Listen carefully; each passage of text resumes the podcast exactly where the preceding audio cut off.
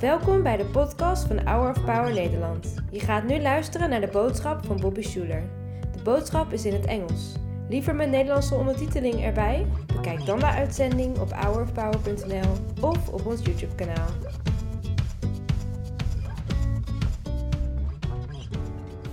God loves you. He's proud of you. He sees you. He- yeah, and we do too. We're so glad you're here. That's a great place to start with today's message.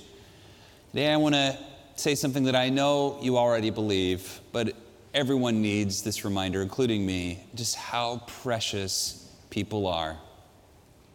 Now, The soul is a very fragile thing. People are, are a lot more fragile, especially the tough ones on the outside. A lot of people who seem really tough, those who have a hard wall, it's because they got burned a lot when they were probably when they were kids and they had to learn to power up to defend themselves and to not let anybody in.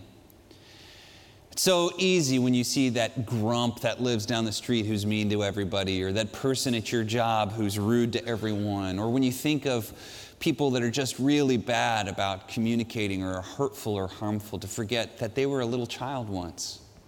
And to forget the stories that every single person has. Some people have suffered more than others, it's true, but people are precious, precious things to God. And you know what? They're precious to you too, aren't they? And in the same way, God loved us and loves us even when we were at our lowest, even when we made mistakes. One of the best kind of lives we can live is one where we just learn to forgive people and hold life loosely and love our neighbor. That's actually the fullest, richest, best life we can live. And that's why Jesus teaches us to live that way. Value the people that you do life with. And the best way to do that is to take life slowly and to remember that people that sometimes are annoying or bother you, a lot of times are hurting people and have a sad story somewhere in their timeline and deserve a little forgiveness and mercy. Forgiving people is the best way to live life. That brings us to the parable today. They were talking on one of the most preached parables ever, Good Samaritan. You know, it's a, it's a passage you've heard a million times.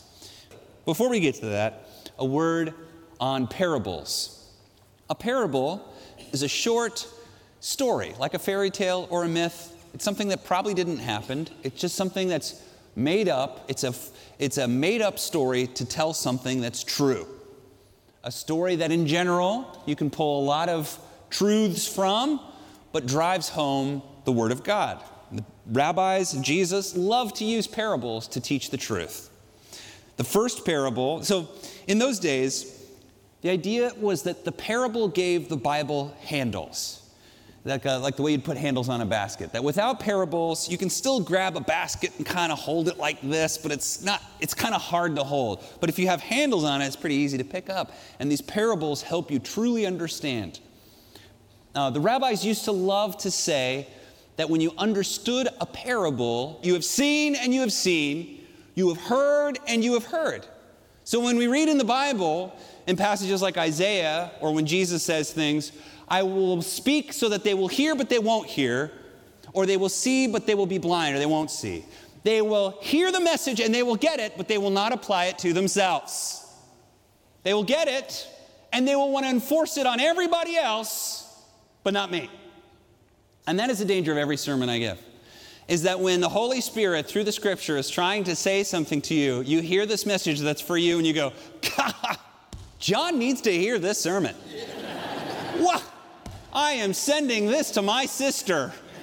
Right? It's, it's when you hear it, but it's for someone else, that although God has a word for them too, when the Lord speaks to you through His word, the first place we ought to go is the mirror and say, Lord, how can I learn from this? And that's what the parable ought to do. And if you were a if you were a disciple and you understood and you took it for yourself, this is for me, Jesus or a rabbi would say to you, you've seen and you've seen. You've heard and you've heard. Blessed are you, for this was not revealed to you by man, but by the Holy Spirit. So, that brings us to the Good Samaritan. The purpose of the Good Samaritan is not really to teach us to help people on the side of the road, although we ought to do that. It's not about helping suffering people, but the Bible does instruct us to do that. It's actually about loving your enemies or loving people that make your stomach turn. It's answering a question. It's an answer to a question when Jesus is asked, Who is my neighbor? So we'll start there. Luke chapter 10, verse 25 says that on one occasion, an expert in the law stood up to test Jesus. That sounds negative. He this is actually an honor. So the teacher of the law would be like a seminary professor, and he's doing this to to say that he wants to learn more from Jesus. So it's an honor. He's not, it's not a negative thing. Teacher, he asks, what must I do to inherit eternal life? Jesus, being a good rabbi and Jew, responds with a question with a question. What is written in the law? He replied. How do you read it? The man answers. this is important. This actually shows that this man is a student of, in some ways of Jesus. He, said, he answered, Love the Lord your God with, with your heart, with all your heart, with all your soul, with all your strength, and with all your mind, and love your neighbor as yourself. Just to pause here for a minute. This version of Deuteronomy is the way Jesus himself framed it. He's the first one to do this. These two verses here, one's from Deuteronomy and one, one is from Leviticus. The one in Deuteronomy is one of the most famous Bible verses. It's Deuteronomy 6 5, where it says, You shall love the Lord with all your heart, all your soul, and all your, and the word in Hebrew is mayod, which means very. So if you translate it literally, you say, the Bible says in Deuteronomy, You shall love the Lord all your heart, all your soul, and all your very. And if it sounds weird in English, trust me, it sounds weird in Hebrew too. And this has driven many Jewish rabbis crazy. What, why did Moses write it this way? What does this mean? It almost sounds like if you got like a three or four year old that was trying to express something and said, I just love the Lord with all my heart and all my soul and all my very. You know, it's what it feels like. And so they don't know how to translate it and they often say might. But it, it, you almost get the essence of it when you say very, don't you? And so lots of people ask rabbis, what does it mean, very? And Jesus replaces the word very just before this with the word mind. The word mind is not mentioned in the Old Testament. So when this teacher of the Old Testament says, You shall love the Lord with your mind, it shows that he has been listening to Jesus, learning from him, and repeating back to his teacher what he previously learned. Right? So I understand from you, Rabbi, this is the way I can attain eternal life. And Jesus says, You've answered correctly. Do this and you will live. Now, that word eternal life doesn't just mean heaven, and it does. It means eternal life, it means life now. As I've said before, it's not just the length of your life, it's the quality of life. Eternal life is the quality of God's life. So many people don't want to live this way because it's like, I'm going to live a bad life here so that I can have a good life when I die. That is not what the Bible says. This is a good life. This is the best life you can have here and when you die. All right. Okay, you get it. So, this is how you get the richness and the fullness of what it means to truly live. It's a philosophical question. Love your neighbor as yourself. Okay. So then there's a long, awkward pause because you can see the man wants to ask another question but he's trying to figure out how to frame it. And the Bible says, well, who is my neighbor? And it says he was wanting to justify himself. That's a good question. Who's my neighbor? There were a lot of people who said, My neighbor is only people who are fellow Jews. But there were other teachers who said, Your neighbor is anyone who dwells near you. So which one is it? Which one's my neighbor? Which one is the one who really belongs to me? And in response, Jesus gives him this parable. He says that there was a Jewish man walking from Jerusalem down to Jericho. Now, just pause for a minute. Jericho in Israel is way down in this Jordan River Valley. And so, when you walk from Jerusalem down to Jericho, it's a 20 mile journey right down a mountain the whole way. So, that means the roads look like this the whole way. It's a hike. When you walk from Jerusalem to Jericho, it's not a fat, nice, gardened Roman road. You know, you're not going to miss a guy that's on the side. You have to step over him. And the Bible says that there were two Sadducees. The first was a priest, and the second was a Levite. And they were walking from Jerusalem to Jericho. That means they'd already done their temple duties. The, the role of a priest is to do all the temple duties and to be clean before they do that. So they were coming home from that. And both of them saw this man who had been beaten and robbed, and both of them walked around him.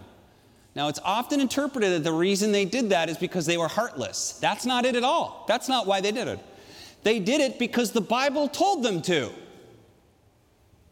If you are a Levite or a priest, you're not allowed to touch anyone who is dead.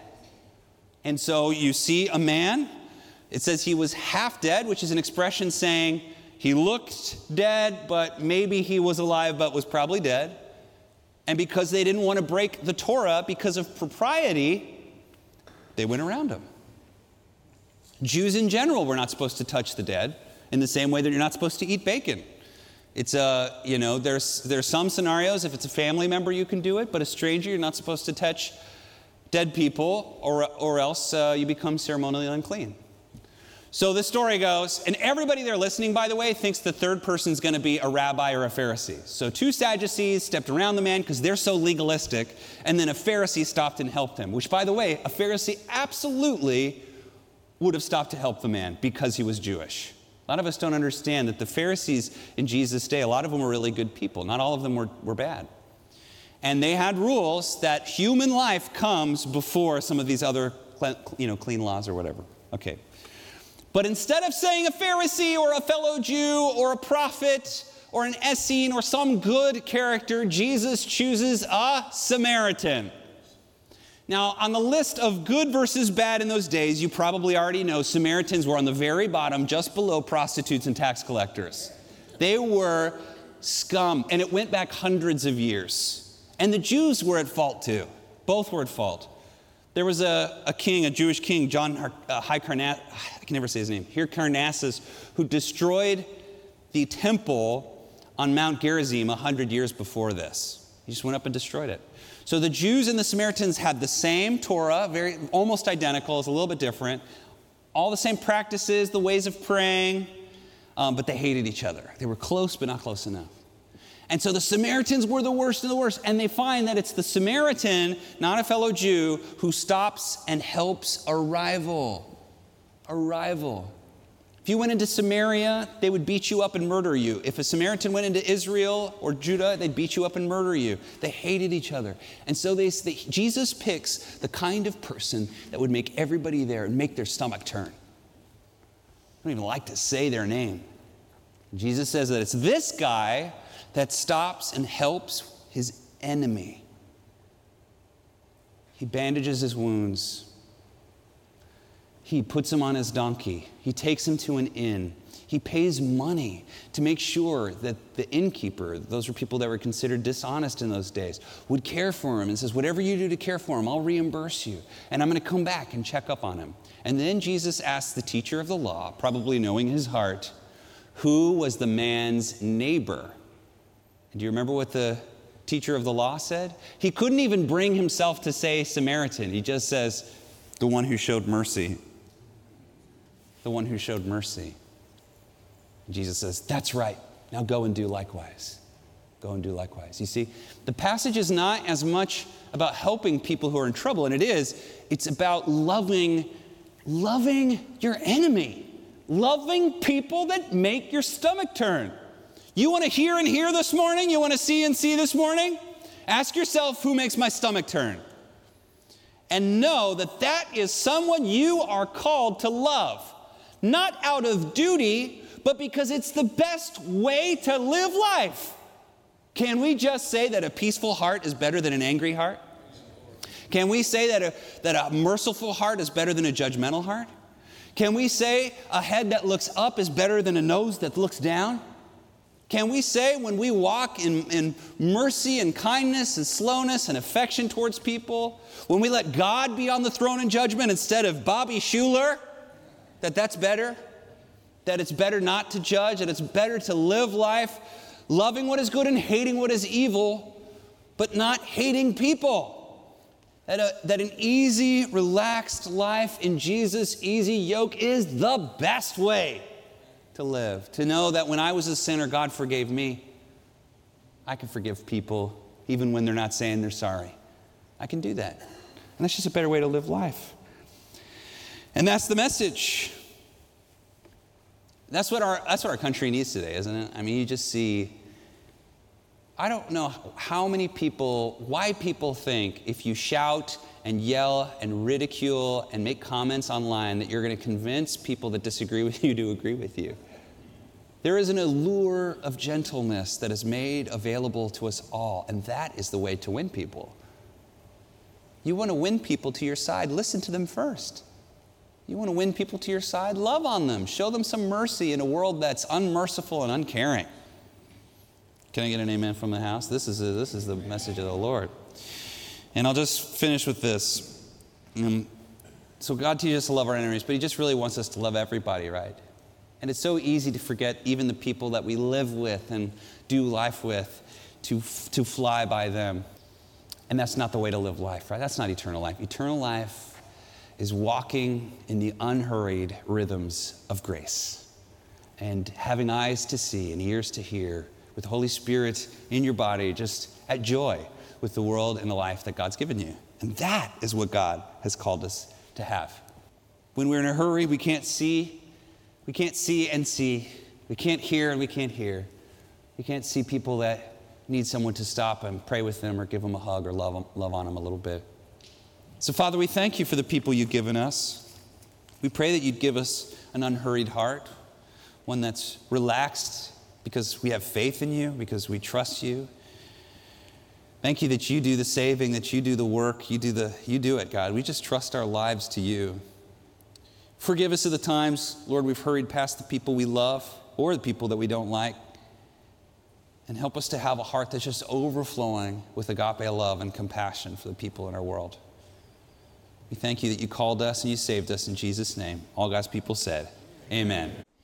And now the Lord bless you and keep you. The Lord make his face to shine upon you and be gracious unto you. The Lord lift his countenance upon you and give you his peace. In the name of the Father and of the Son and of the Holy Spirit. Amen. Bedankt voor het luisteren naar de podcast van deze week. We hopen dat deze boodschap jou heeft bemoedigd. Wil je meer weten over Hour of Power of dagelijkse bemoedigingen ontvangen? Ga dan naar www.hourofpower.nl